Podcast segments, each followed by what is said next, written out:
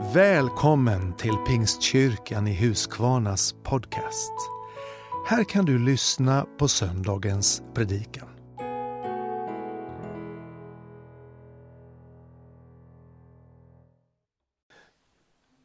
Det finns en textrad som eh, eh, är skriven av en eh, amerikansk lovsångsledare och textförfattare som heter Matt Redman som har skrivit en låt om Guds stora nåd.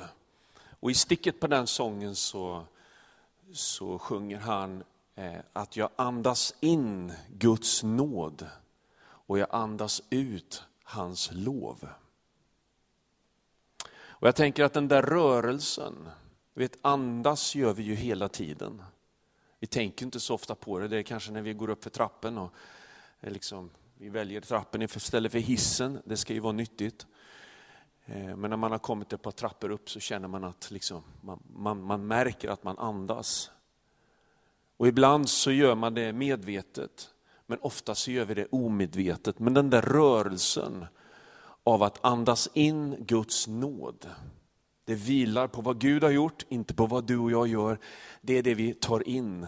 Och så andas vi ut Guds lov genom det sätt som vi lever, genom ja, när vi sjunger eller när vi ber eller när vi samlas så blir den här rörelsen, vi drar in Guds nåd och vi andas ut hans lov. Ska vi stå upp tillsammans? Jag vill idag eh, tala om eh, Guds närhet. I Guds närhet har jag som rubrik för förkunnelsen den här, den här förmiddagen. Och, eh, det här är en hjärtefråga eh, och också ett väldigt viktigt budskap som, som Bibeln ger oss gång på gång ända från, från eh, början av Bibeln till slutet så, så handlar det om vårt förhållande till Gud. Kan vi vara i hans närhet? Accepterar han oss i sin närhet? Vad för oss in i Guds närhet? Vi skapades en gång till hans avbilder för att vara i hans närhet. Sen kom synden in och det blev liksom en distans mellan Gud och människa. Och sen berättar Bibeln en mängd olika berättelser och, och ger oss vägledning om detta med hur vi kommer tillbaka till Guds närhet. Och eh, vi ska läsa, jag ska be Simon att han bläddrar fram till Hebreerbrevet kapitel 10 och vers 19 till 25.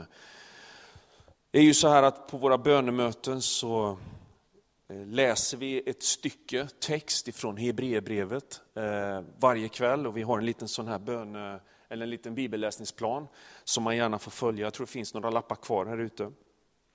Det här är inte dagens text från Hebreerbrevet, jag tror att den kommer om ett par dagar.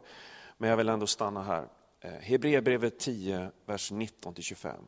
Så kan vi då, mina bröder, tack vare Jesu blod frimodigt gå in i helgrummen på den nya och levande väg genom förhänget, hans kropp, som han har invigt åt oss. Vi har en stor överstepräst som är satt att råda över Guds hus. Låt oss därför träda fram inför Gud med uppriktigt hjärta och i full trosvisshet, med ett hjärta som renats och inte vet av någon synd och med en kropp som badats i klart vatten. Låt oss orubbligt fortsätta att bekänna vårt hopp, till han som gav oss löftena är trofast. Låt oss ge akt på varandra och sporra varandra till kärlek och goda gärningar. Och låt oss inte försumma våra sammankomster som några brukar göra, utan uppmuntra varandra. Och detta så mycket mer som ni ser att dagen närmar sig. Ska vi be en bön tillsammans? Herre, så tackar vi dig för att vi får lita på ditt löfte om att när vi samlas två eller tre i ditt namn så är du mitt ibland oss Herre. Tackar dig Herre för gemenskapen där du finns Herre. Men vi tackar dig också för att du har tagit din boning i våra hjärtan Herre. Jag ber dig Gud att vi i den här stunden nu Herre skulle få stanna upp och fundera på vad det innebär för oss, vad det är du egentligen har gjort Herre. Vilka möjligheter vi har som människor här att få få vara nära dig Herre. Att inte behöva leva med distans utan att vi kan leva i din närhet. Kom och rör vid oss idag Herre. Herre, jag, jag vill be Gud för den oro, den, de, den fruktan som sprider sig, inte bara i vårt land utan över hela vår värld Herre. Tackar dig för att du ger en frid som inte världen ger, utan en frid som, som kommer ifrån dig Herre. Och vi behöver inte oroas och vara oroliga, utan mitt i stormen så ger du den där friden som är gudomlig, som är övernaturlig Herre, men som kommer ifrån dig. Fyll mig med den Herre. Fyll oss med den Herre. Och låt oss få vara en sån doft till vårt samhälle Jesus. Där vi får dofta av den här trosvissheten på dig Herre. Tackar dig för det Jesus Kristus. Möt oss nu Herre, öppna våra hjärtan. Hjälp mig som ska tala, vi ber i Jesu namn. Amen. Amen. Varsågod och sitt ner. Det här är en text som, som eller hela Hebreerbrevet är ju en, en, ett, en bok som hämtar upp gammaltestamentliga bilder och eh, förfaranden kring tempeltjänsten, prästerskapet. Eh, och eh, ibland vissa texter i, både Nya och Gamla Testamentet behöver viss förkunskap för att man, för att man ska kunna förstå vad, vad, vad är det han pratar om egentligen. Och eh, hela detta med att Jesus blod öppnar en ny och levande väg genom förhänget hans kropp bygger på att man har lite grundförståelse om tempeltjänsten. Alltså hur templet i Jerusalem var uppbyggt.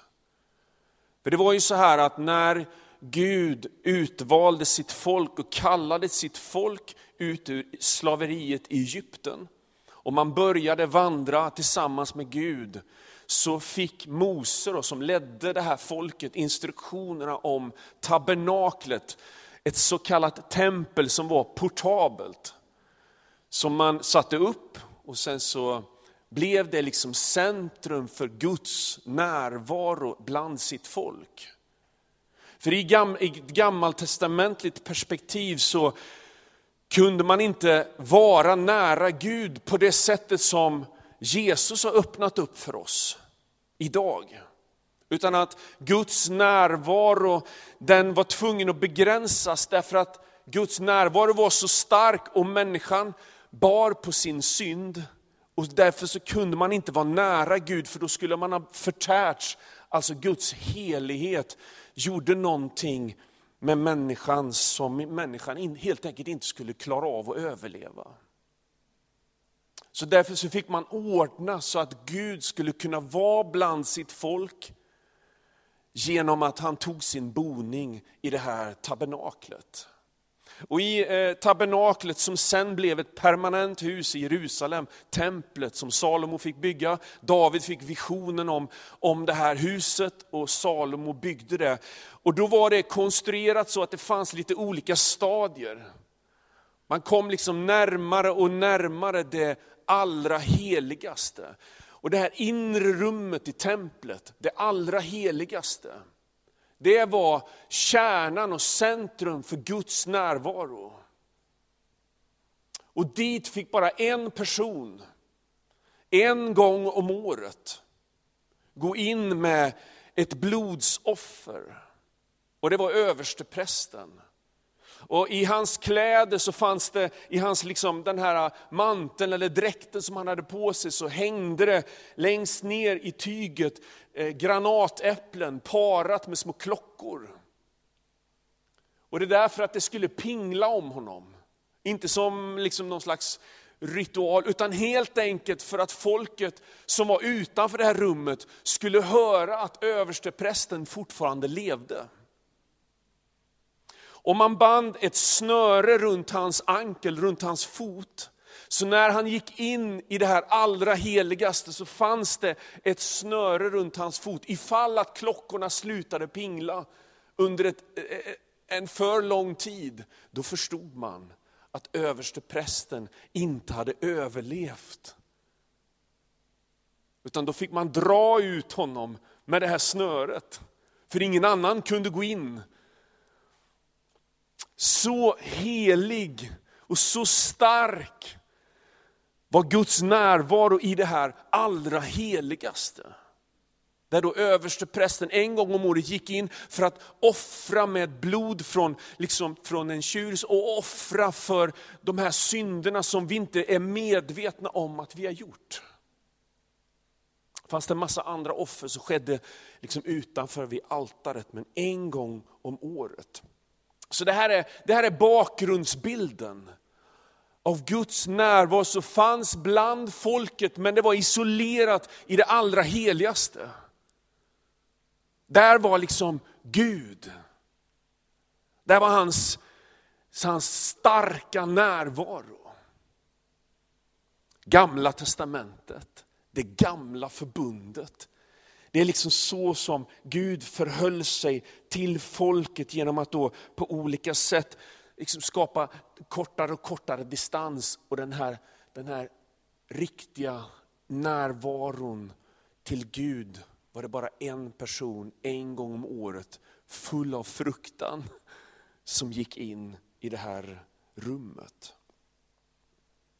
Är då Gud en Gud som man behöver vara rädd för? Absolut inte. För det som händer, och som den här texten talar om, det är att nu finns det en ny ordning. Där Jesus beskrivs som den här överste prästen som har gått in i det allra heligaste. Men inte med ett blod från djur, utan med sitt eget blod. Genom sin död på korset så har Jesus en gång för alla trätt in i det allra heligaste. Med sitt eget blod har han försonat alla våra synder. Och inte bara att han själv har gått in där, utan det står ju så här, tack vare Jesu blod, eh, så kan vi då mina bröder, tack vare Jesu blod frimodigt gå in i helgedom på den nya och levande vägen av förhänget hans kropp som han har invigt åt oss.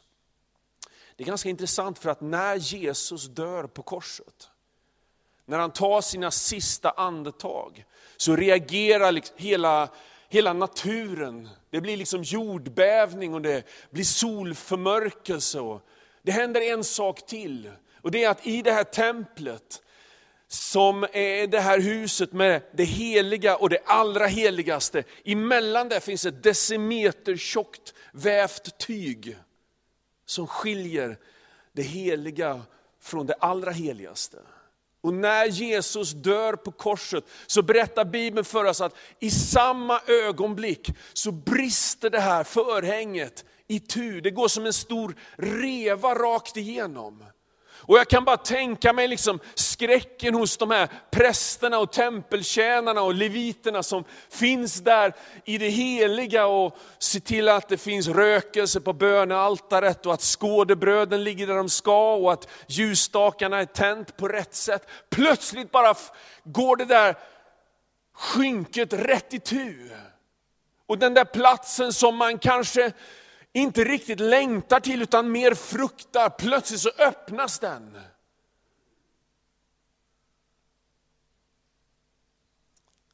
Och så säger Bibeln att nu kan vi gå in där, i Guds närhet. Genom det Jesus har gjort för oss. Och i den närheten så finns det inte längre någon fruktan, det finns inte längre någon oro, det finns inte längre någon skam, det finns inte längre någonting som gör att du och jag behöver liksom känna skam inför Gud, utan när vi andas in Guds nåd, så kan vi i hans närhet andas ut hans lov. Alltså det här är en verklighet. Nu när jag berättar om de här gamla bilderna så kan man tänka liksom att ja, men det, är, det är som en, liksom en gammal tavla som vi målar upp. Som, vi ser en film liksom om, om Troja eller någonting, det är, liksom, är någon annanstans. Nej, bilden är någon annanstans, det är från en annan tid. Men verkligheten finns här och nu.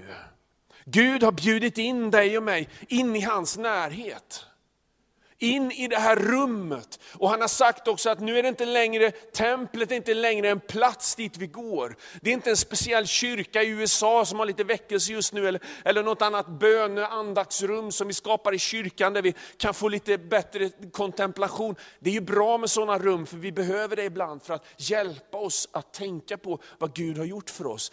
Men det är inte längre en plats, det är inte längre någonstans vi åker, det är inte ens gudstjänsten i första hand. Utan den templet är idag i ditt och mitt hjärta. Du är templet. Ditt hjärta är platsen för Guds närvaro. Det är inte längre ett rum vi går in i, utan det är ett rum som Gud skapar i oss. Så hans närhet, Guds egen närvaro, är hos dig och mig. När du och jag har sagt vårt ja till honom, bjudit in honom i våra liv, så är han där.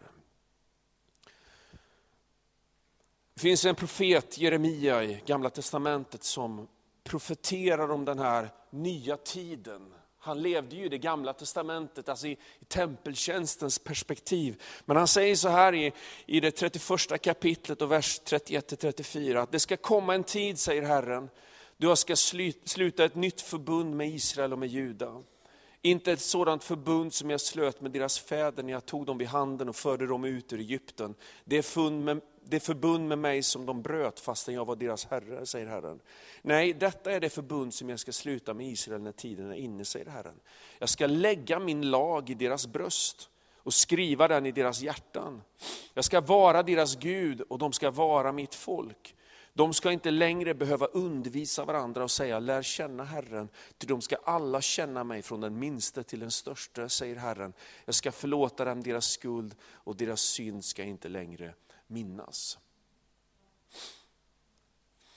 Så även om det här är liksom ett gammaltestamentligt perspektiv så är min erfarenhet att både jag själv och många med mig ändå ramlar tillbaka lite grann i det här perspektivet av att jag behöver göra någonting med mitt liv för att få godkännande att vara i Guds närhet. Att det lite grann hänger på mig. Ja visst, det är nåden, men jag borde. Jag borde läsa Bibeln mer. Jag borde be lite mer. Alltså anledningen till att jag inte känner och upplever Guds närvaro har med mig att göra. För jag har gjort det, eller jag har gjort det, eller jag har inte gjort det, eller inte gjort det. Och så får vi direkt in det där äh, gammaltestamentliga tänket att Guds närvaro är ett rum där jag måste själv bli ren eller lite bättre för att få vara i hans närhet. Men evangeliets budskap är att Gud har gjort allt och du kan inte göra någonting för att förtjäna hans närvaro. Utan du, du får det genom att du tar emot det in i ditt liv. Du säger ja till det Jesus har gjort. Då blir du ett Guds barn. Då placerar Gud sin närvaro i ditt liv. En ny och en levande väg. Vägen är öppen in i Guds närhet och där kan vi vara med hela vårt liv. Tror som sagt att det är bra att ibland tänka att det kan vara gott att bestämma att man nu, nu, nu ber jag en bön. Nu läser jag ett, ett bibelord och jag tar en liten stund med Jesus. Vi vet vad det är betydelsefullt. Men det är inte ett tillfälle då jag kliver in i Guds närhet en liten stund. Och sen så kliver jag ut och så lever jag mitt vardagliga vanliga liv. Utan Guds närhet, det är inte en aktivitet, det är inte att kliva in i ett rum, utan det är att leva ett liv. Vi andas in Guds nåd och vi andas ut Guds lov. Så att leva i Guds närhet handlar inte så mycket om att det i vissa tillfällen så känner vi att liksom Guds ande blir manifesterad. Ibland så blandar vi ihop det där med att Gud upplevs med hans närvaro. Gud är närvarande hela tiden i ditt liv om du har tagit emot hans nåd. Gud går inte in och ut ur ditt hjärta. Frälsningen liksom är inte en, en, en jojo där man liksom, nu är jag inne i Guds närhet, nu är jag utanför Guds närhet. Men däremot så kan vi uppleva att ibland så märker vi och vi känner hans manifesterade närvaro. Alltså att Gud blir tydlig och synlig, kännbar i atmosfären, i kroppen, i tanken, i hjärtat. Till och med i det fysiska så kan vi känna Guds manifesterade närvaro. Men är Gud närvarande även när jag inte känner det? Ja. Om du har tagit emot Jesus i ditt liv så är Guds närhet i ditt hjärta. Och ibland så får vi nåden att också få uppleva den. Så när vi säger och kanske sjunger Gud, kom närmare, mer av din helige ande, mer av, liksom, av Gud ibland oss, så är det egentligen hans manifesterade, uppenbarade närvaro som vi längtar efter. Att få känna, få uppleva, få förstå, få liksom erfara. Men Gud, han är närvarande i ditt och mitt hjärta hela tiden.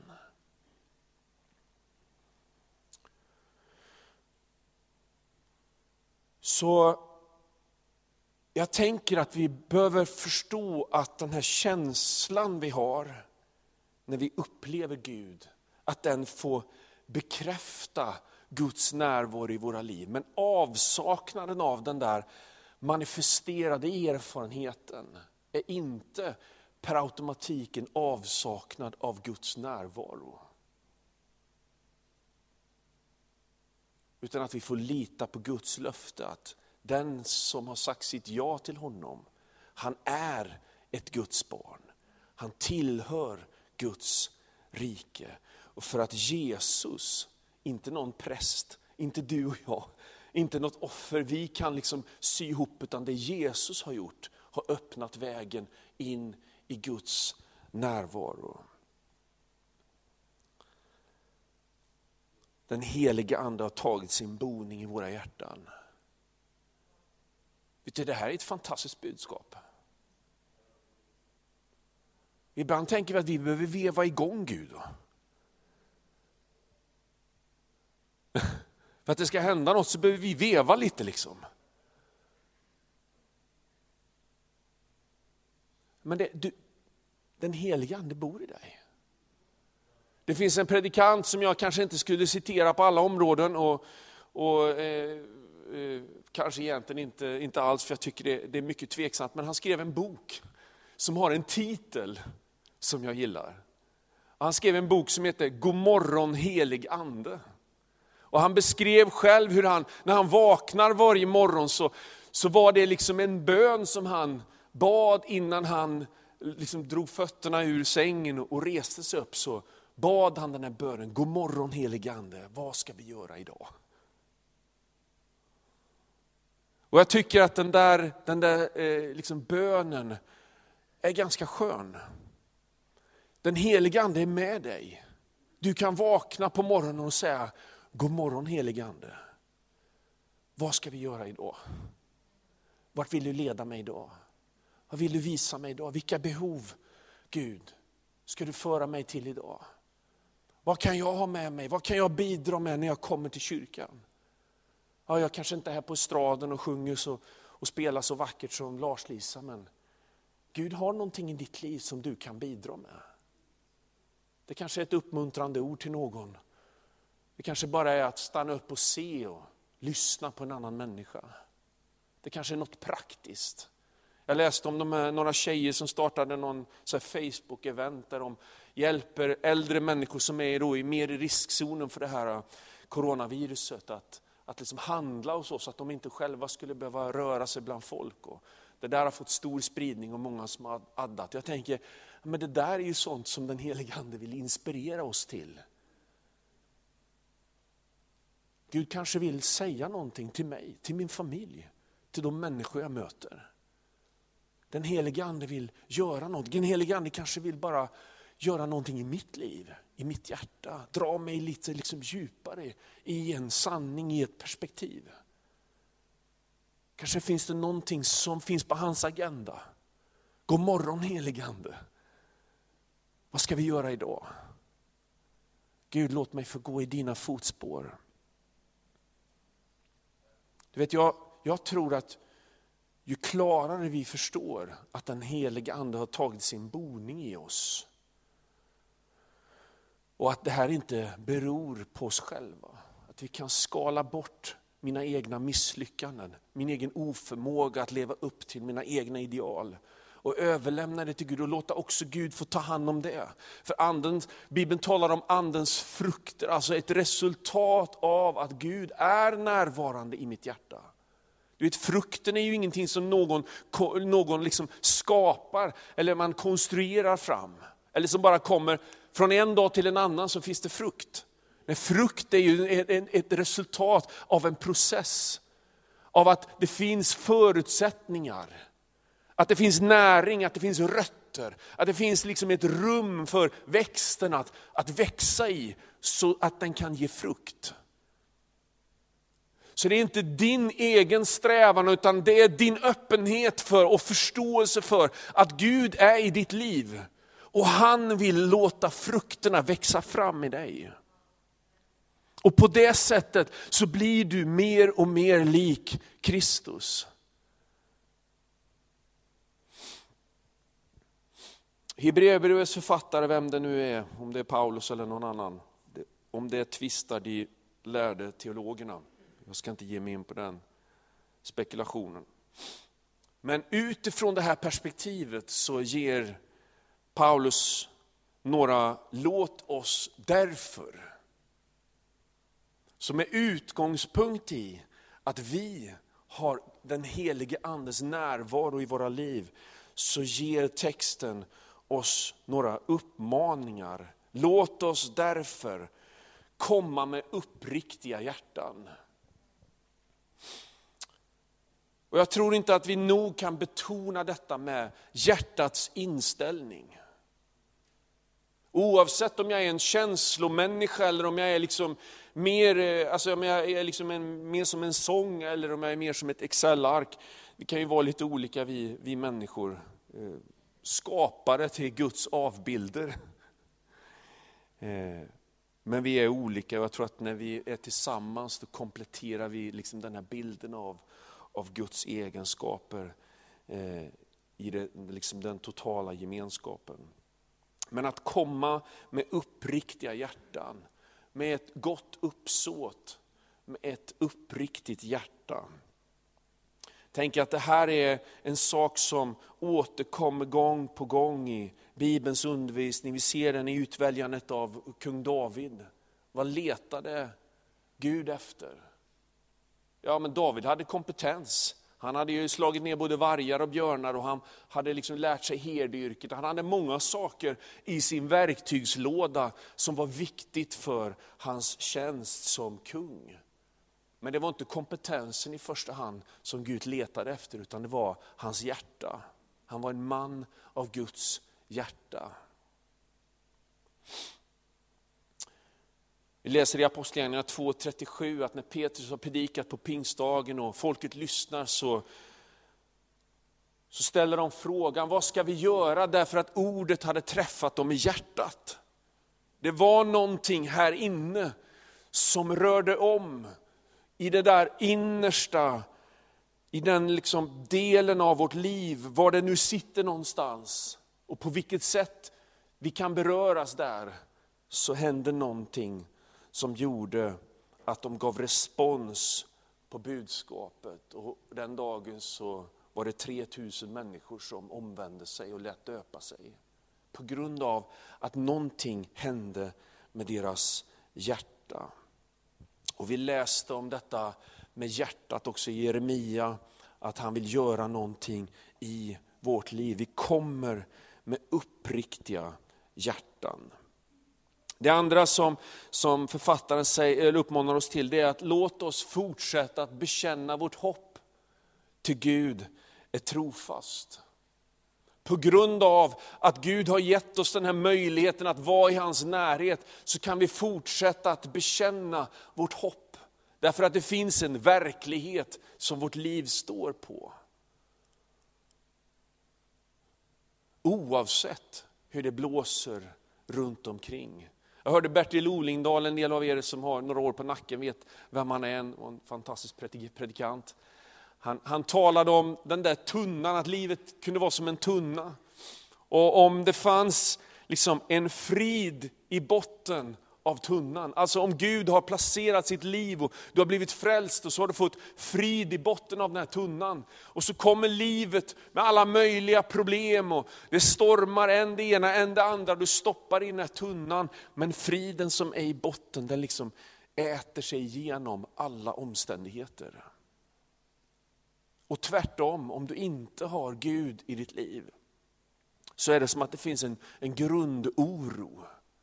Så oavsett hur mycket du försöker fylla ditt liv med goda ting, så kommer den där grundoron att ändå genomsyra. Det är ett ganska bra perspektiv. Tänk att Gud och hans frid som han lägger i våra liv kan bli en sån grund, en botten i livet vi fortsätter att bekänna vårt hopp. Det tredje och näst sista. Vi sporrar varandra till kärlek och goda gärningar. Ge akt på varandra. Det här handlar inte om kontroll utan det handlar om omsorg. Att vi på grund av att vi har Gud i våra liv och hans närhet i våra liv, så kan vi uppmuntra varandra till goda gärningar och till kärlek. Alla behöver någon som frågar efter oss. Alla behöver någon som ser mig. Vet, när jag pratar med människor som har lämnat en kyrka så är det sällan för att predikanten liksom var lite, eh, lite sådär extrem i sin teologi inom predikan. Eh, vi är ju bara människor vi också, om det var någon som undrade.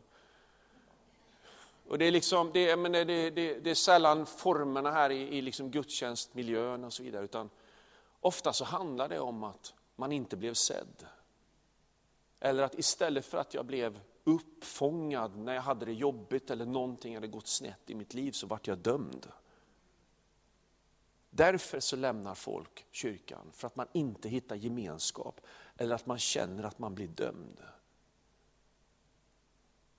Låt oss därför sporra varandra till kärlek och goda gärningar. Gode Gud, hjälp mig och hjälp oss som församling, Herre. Att få vara en miljö dit man vill komma tillbaka. Jag ser varje person som kommer till den här kyrkan som inte känner sig hemma som går härifrån och inte känner att det här var en kyrka för mig som ett misslyckande. I Guds nåd så tar vi nya tag nästa vecka. Men jag tror att vi tillsammans, vi är olika generationer, vi är olika slags människor, men vi kan alla vara med och bygga en kultur som gör att när, när nya människor, eller nygamla människor, eller vem det än är som kommer, att den känner, här är en plats där jag vill vara. Hit vill jag komma tillbaka. För jag blev sedd, någon såg mig, någon älskade mig. Det sista, och det kanske inte riktigt den uppmaningen som i de här coronatiderna, att låt oss inte försumma våra sammankomster. Men i ett djupare perspektiv så handlar det om att den tro som du har, den närvaro som Gud har placerat i ditt liv, behöver gemenskap. Vi behöver varandra. Du vet när vi kommer hit, jag kan känna ibland, trots att jag är predikant, så kan jag känna ibland att jag är liksom lite halvtom. Och är inte så inspirerad att i första sången, även om Lars-Lisa och, och gänget här liksom verkligen försöker få igång oss så att jag känner att jag är i det läget. Men då, jag tittar mig omkring och ser Johan här och, och liksom Peter eller någon annan liksom som lyfter sina händer och liksom är med i lovsång, då känner jag att, vad härligt, de hjälper mig nu. Vi kan hjälpa varandra. När vi kommer, när vi är lite molokna och lite slagna, så kan vi få tröst och uppmuntran av varandra. Låt oss inte försumma våra sammankomster, för när vi möts, där är Gud ibland oss. Ska vi be tillsammans. Vill du komma i kontakt med kyrkan så besök vår hemsida www www.huskvarna.pingst.se eller besök oss på Tegnérgatan 3.